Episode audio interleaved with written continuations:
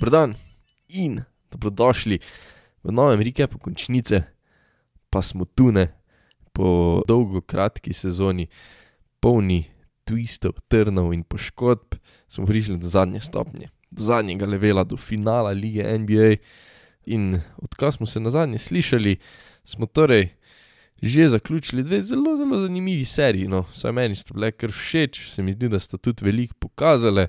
Uh, pa da začnemo s tisto, ki se je tudi prej končala in sicer Phoenix Suns proti LA Clippers. Sonca so malega brata iz Los Angelesa odpravila po šestih tekmah, torej zmagali so 4 proti 2. Začnemo pri najbolj pereči temi, oziroma pri uh, največjem X-u te serije, ki je bil Kowaj Leonard, ki torej sploh ni nastopil zaradi poškodbe kolena. Um, tu nima smisla, je baš razlagati, Kowaj ni bilo. Kowaj še vedno mislim, da lahko rečemo, da je najboljši igralec Clippersov in posledično so z njim tudi veliko, veliko zgubili. Uh, in kakorkoli obrneš, no pač isto kot naprimer serija Brooklyna, je to serija, kjer so poškodbe odigrale kar veliko vlogo. Potem moram jaz tu se mogoče že upravičiti, Taju Luju mi je pokazal, da je dober trener. Um, leta 2016 je osvojil prvenstvo, jaz še vedno mislim in ustrajam pri tem, da je takrat pač prvenstvo osvojil Lebron James bolj kot Tajluno. Uh, ampak se mi zdi, da tisto mu je v prihajajočih letih predvsem škodilo, tisti naslov, zaradi tega, ker pol so nekako propadli, pol ni več to šlo. Uh, in ja, no, tudi jaz sem bil kar skeptičen, ko so ga tu namestili za glavnega trenerja, ampak v končnici je pokazal svojo vrednost, delal je zelo, zelo dobre prilagoditve. Mislim, da je res te kliper se od vodu odtreniral, kako dobro se je pač dalo. No. Tako da, big props to Tajlu. Uh, potem pa pridemo torej do igralcev, do same serije. Uh, in če se torej tu začnemo s klipersi, je treba začeti s Paulom Georgeom. Uh, Paul George, ki je v tej seriji dosegal 19 točk, 10,5 skokov in pa 5,5 asistenc na tekmo statistika vredna Alstarja, statistika vredna zvezdnika lige. Uh, ampak jaz imam vseeno mogoče malo mešane občutke, kar se PG-ja tiče. Z prvo kot prvo, jaz sem človek procentov, no in pač tu hitro ven sekajo. V seriji je metal 27 odstotkov za teri. Uh, Avč. Jaz tudi verjamem, da ste videli, kako je botlal tiste ključne proste mete ob koncu kar dveh tekem.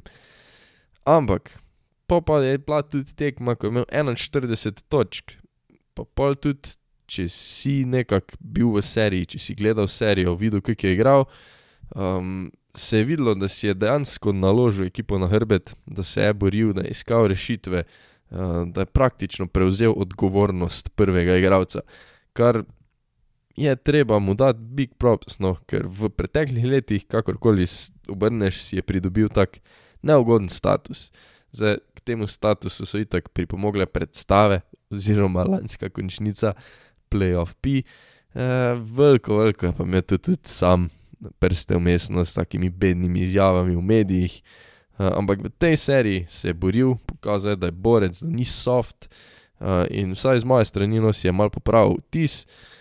Sta se pa tu tudi pokazali dve stvari, po mojem mnenju, prva stvar je, da Paul George ne more biti prvi igralec Championship ekipe, to se nekako vleče že odprej, torej pri Indijani ni mogel biti, pol pri Oklahomi so tudi kar propadli.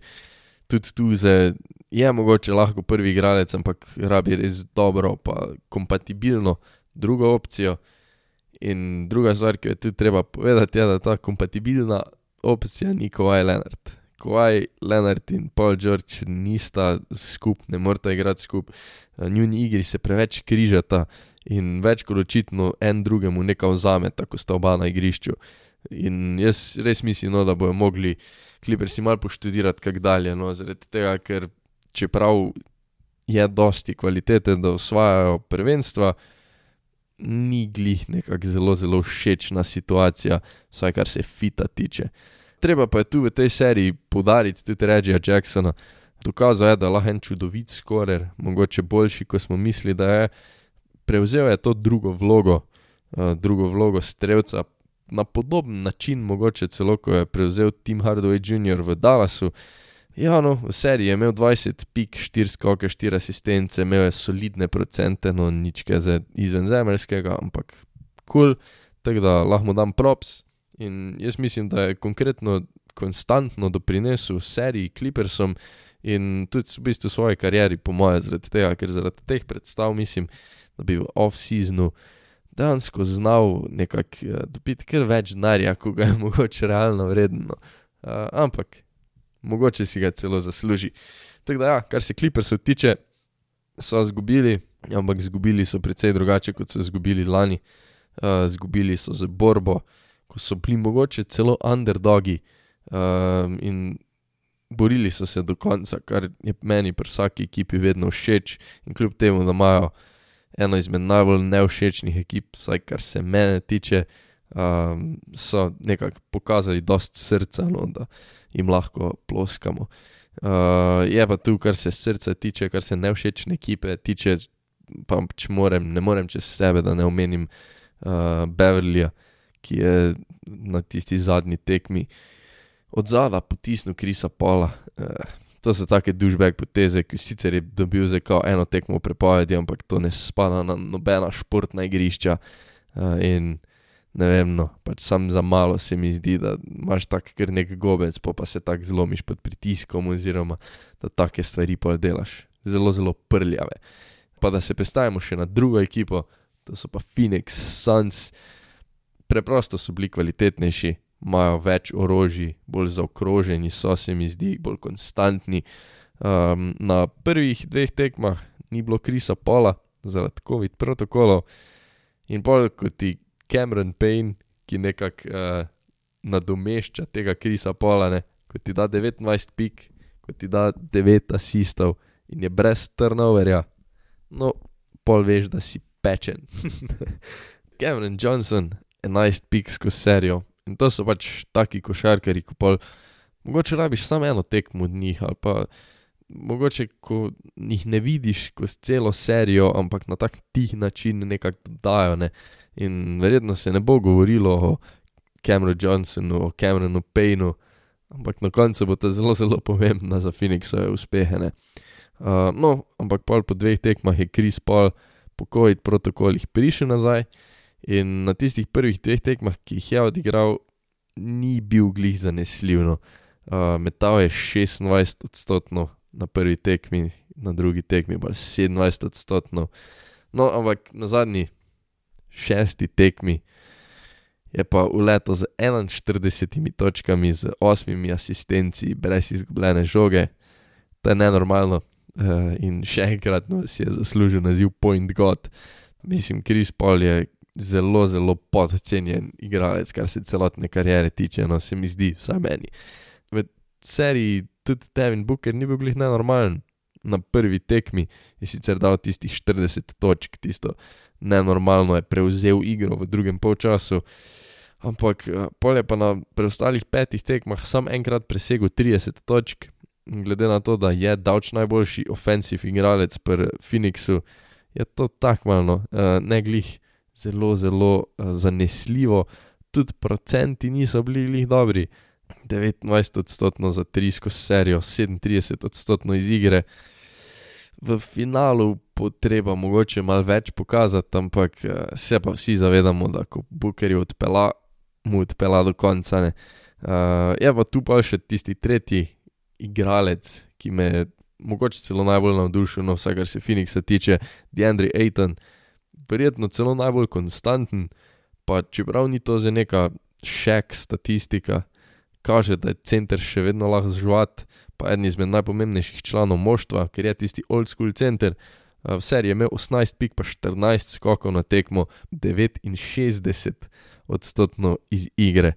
Uh, imel je ene par norih highlightov, tudi tistega game winnerja, ko je uh, manjko sekundo do konca na L-Jub podal Crowder iz avta in je potem na L-Jub Aiton zakucal. To je pač zelo, zelo dobro.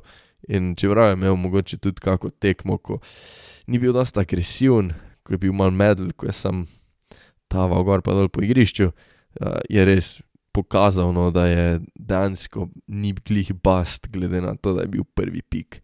Tako da, ja, Phoenix je zelo všečna ekipa meni, no, in glede na to, da za dva od treh glavnih igralcev je to prva končnica, so presenetili, mislim, da vse, definitivno nenormalno mene.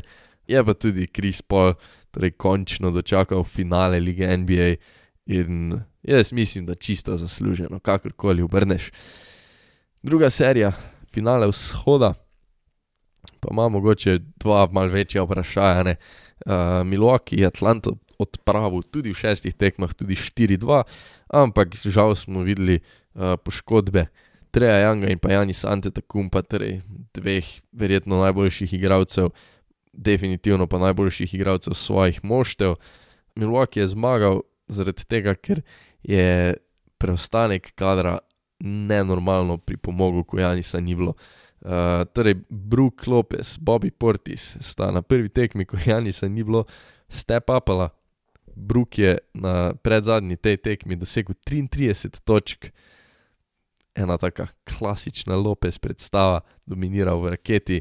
Bobby Portis je na tisti tekmi dodal 20 točk, tega, um, to so take predstave, kot sem že prej omenil. Ne.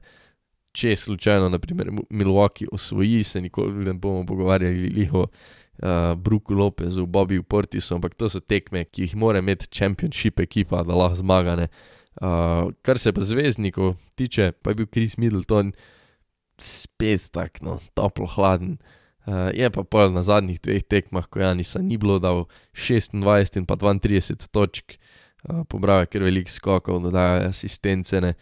In ja, mislim, na tistih dveh tekmah je pokazal, mogoče, da je vreden Max pogodbe, da je tisti drugi zvezdnik, da lahko tudi uh, ko Janisa ni na igrišču, nekako si naloži to ekipo na hrbet, ampak finale, vsem finale, v finalu bo mogel dati več, predvsem pa bolj konstantno, ker je problem ne.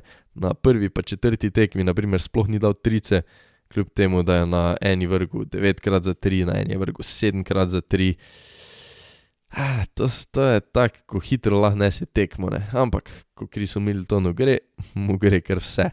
Pa pa še Drew Holiday, je pa po eni strani, vsaj kar se napada tiče napadalne igre, je bil izjemno boljši kot proti Brooklynu, vseeno pa precej ni dosegel mojih pričakovanj, no, oziroma eh, neke te forme v končnici, ki sem jo jaz pač mu pripisoval. Uh, tudi on je na zadnjih dveh tekmah dosegel najmanj 25 točk, nekako prevzel si naložil, uh, dokazal ta naziv zvezdnika. Uh, tudi v tej seriji imel poprečje 22 točk, pa 10 asistenc na tekmo, kar je izjemna statistika. Tudi procenti so bili veliko boljši kot v prejšnji seriji proti Brooklynu. Uh, je pa izjemno, izjemno manjkala njegova obramba, ki je bila pred začetkom playoffov, po mojem mnenju, nekako njegova najboljša karakteristika.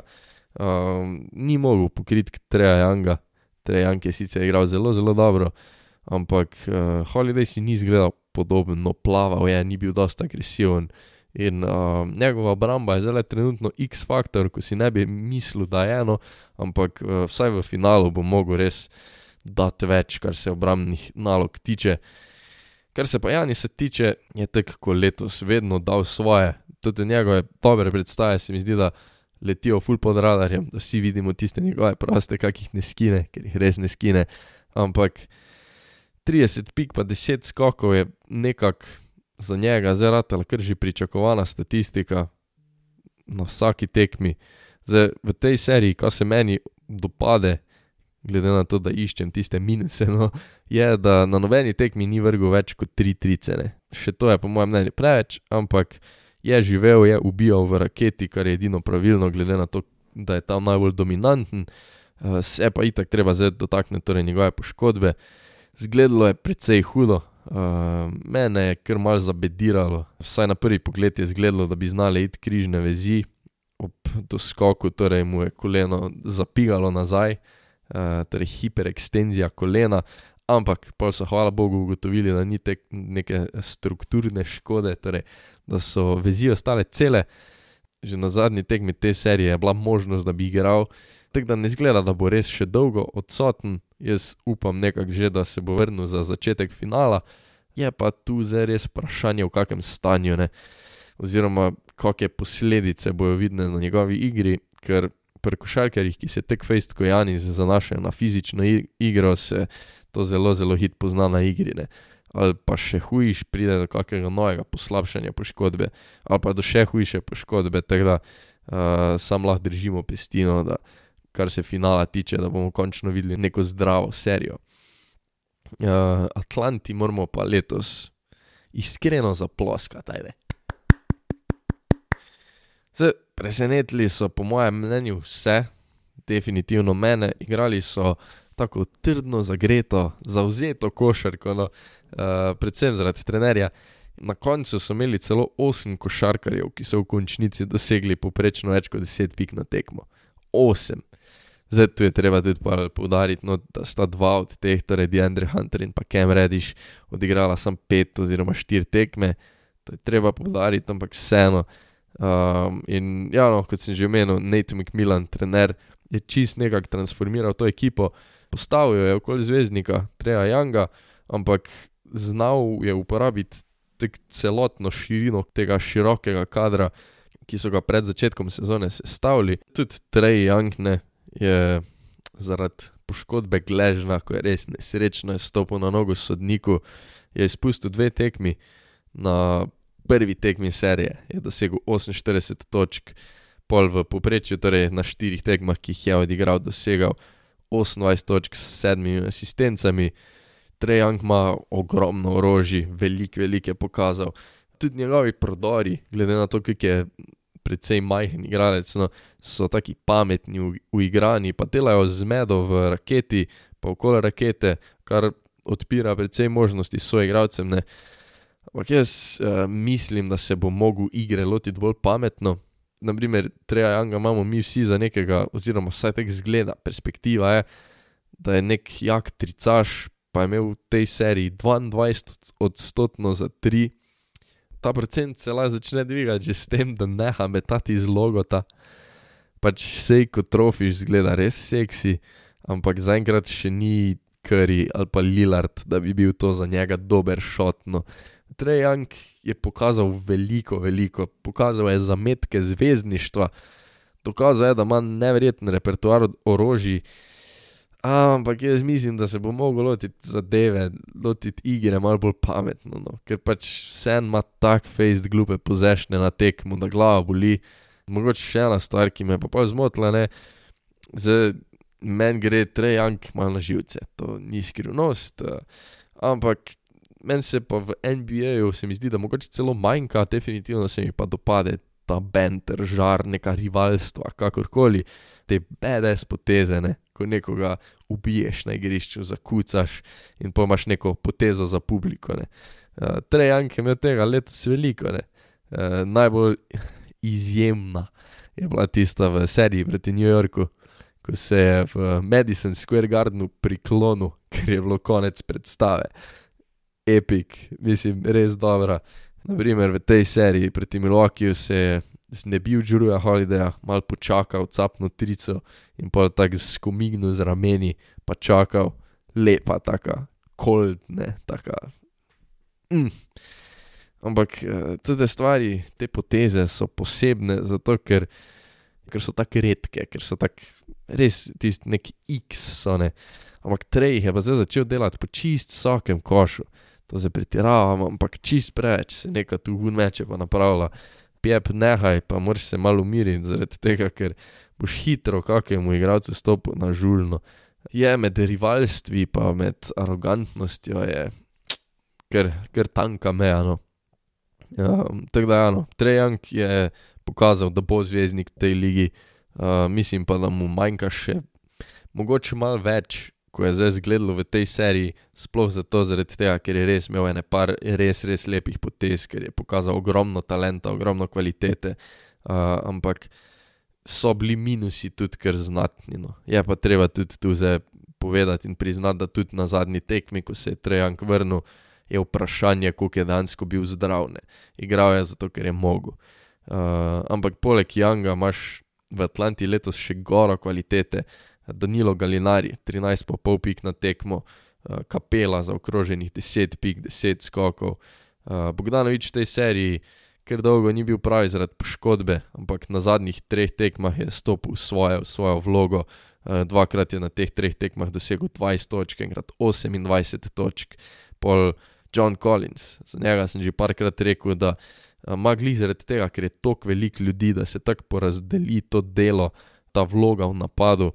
Ima uh, malo omejeno vlogo v Atlanti, ampak John Collins 14 pik, 9,5 skokov na tekmo in res, res imajo veliko roži. Uh, škoda mi je edino, no res, da v tej seriji, ki je bila zanimiva, ko potegneš črto, verjetno Milwaukee, kakorkoli obrneš, boljša ekipa. Ampak škoda je, da nismo mogli gledati serije, ko bi na šestih tekmah igrala najboljša basketaša. Ne. Zdaj, to pa ni mogoče tako vezano na to serijo, ampak uh, omenil bi še Kema Rediša. Uh, Kem Rediš je igralec Atlante, ki je tako mal črna ovca tiste Dukove ekipe iz koledža, uh, iz tiste ekipe, ko so prišli. Uh, torej, Kem Rediš z Zajonom Williamsonom in pa RJ-em Beretom. Rediš v tej končnici praktično ni imel neke vloge, ne? no na koncu je zaigral na štirih tekmah proti Milwaukeeju in povprečje dosegal 13 točk ob 46 odstotne metu za 3, pa 54 odstotne metu iz igre. In uh, Kem Rediš bi lahko bil zelo, zelo dober igralec v Ligino, ker ne smemo pozabiti, da gre za super talentiranega peva, ki ima trenutno edini problem ali pa glavni problem, da igra v Atlantiki, praktično nekako poka po šivih od teh roleplayerjev. Kot sem že danes nekajkrat povedal, oba finala konferenc sta nam prinesla dva finalista lige NBA, šoker, šoker. Uh, Milwaukee se ni v finalu nahajal že od leta 74, Phoenix ni bil v finalu lige od leta 93, s tem, da Phoenixa zadnjih deset sezon nismo gledali v končnici.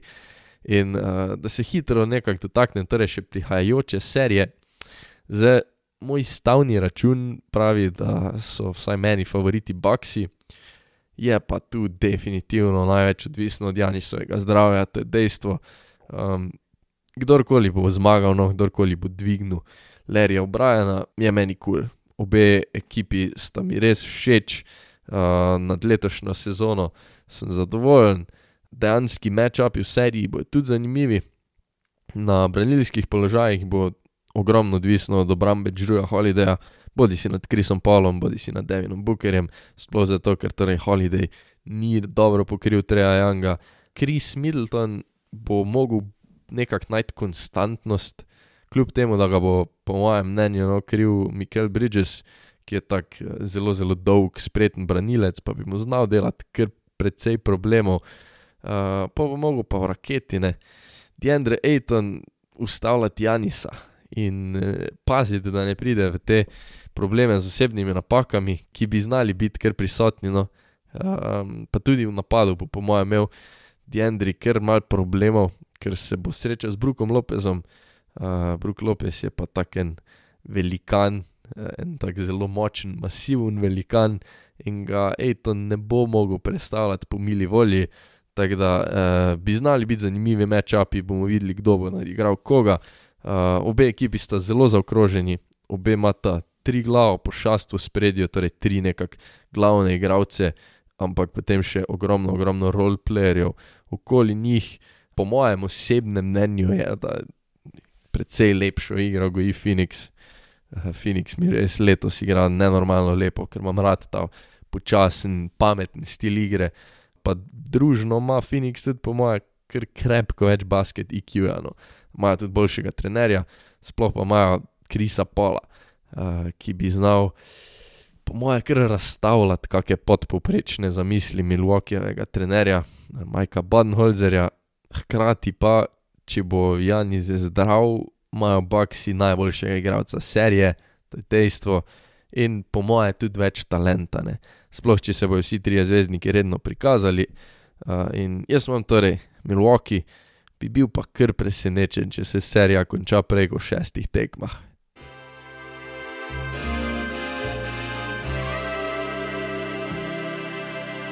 to je to za danes. Hvala vsem, ki ste poslušali. Izjemno pa vam vesel, če se odločite naročiti, oceniti ali pa napisati review, ker to face pomaga podkastu. Navdušen bom, če podate kak komentar, kritiko, tudi mogoče, kaj si želite slišati, ker je od naslednjih epizod. Najbolj pa bom vesel, če se odločite priporočiti prijateljem, ker vsaj v mojih očeh to pomeni, da vam je res od srca všeč. Se čujemo naslednji teden. Ajde!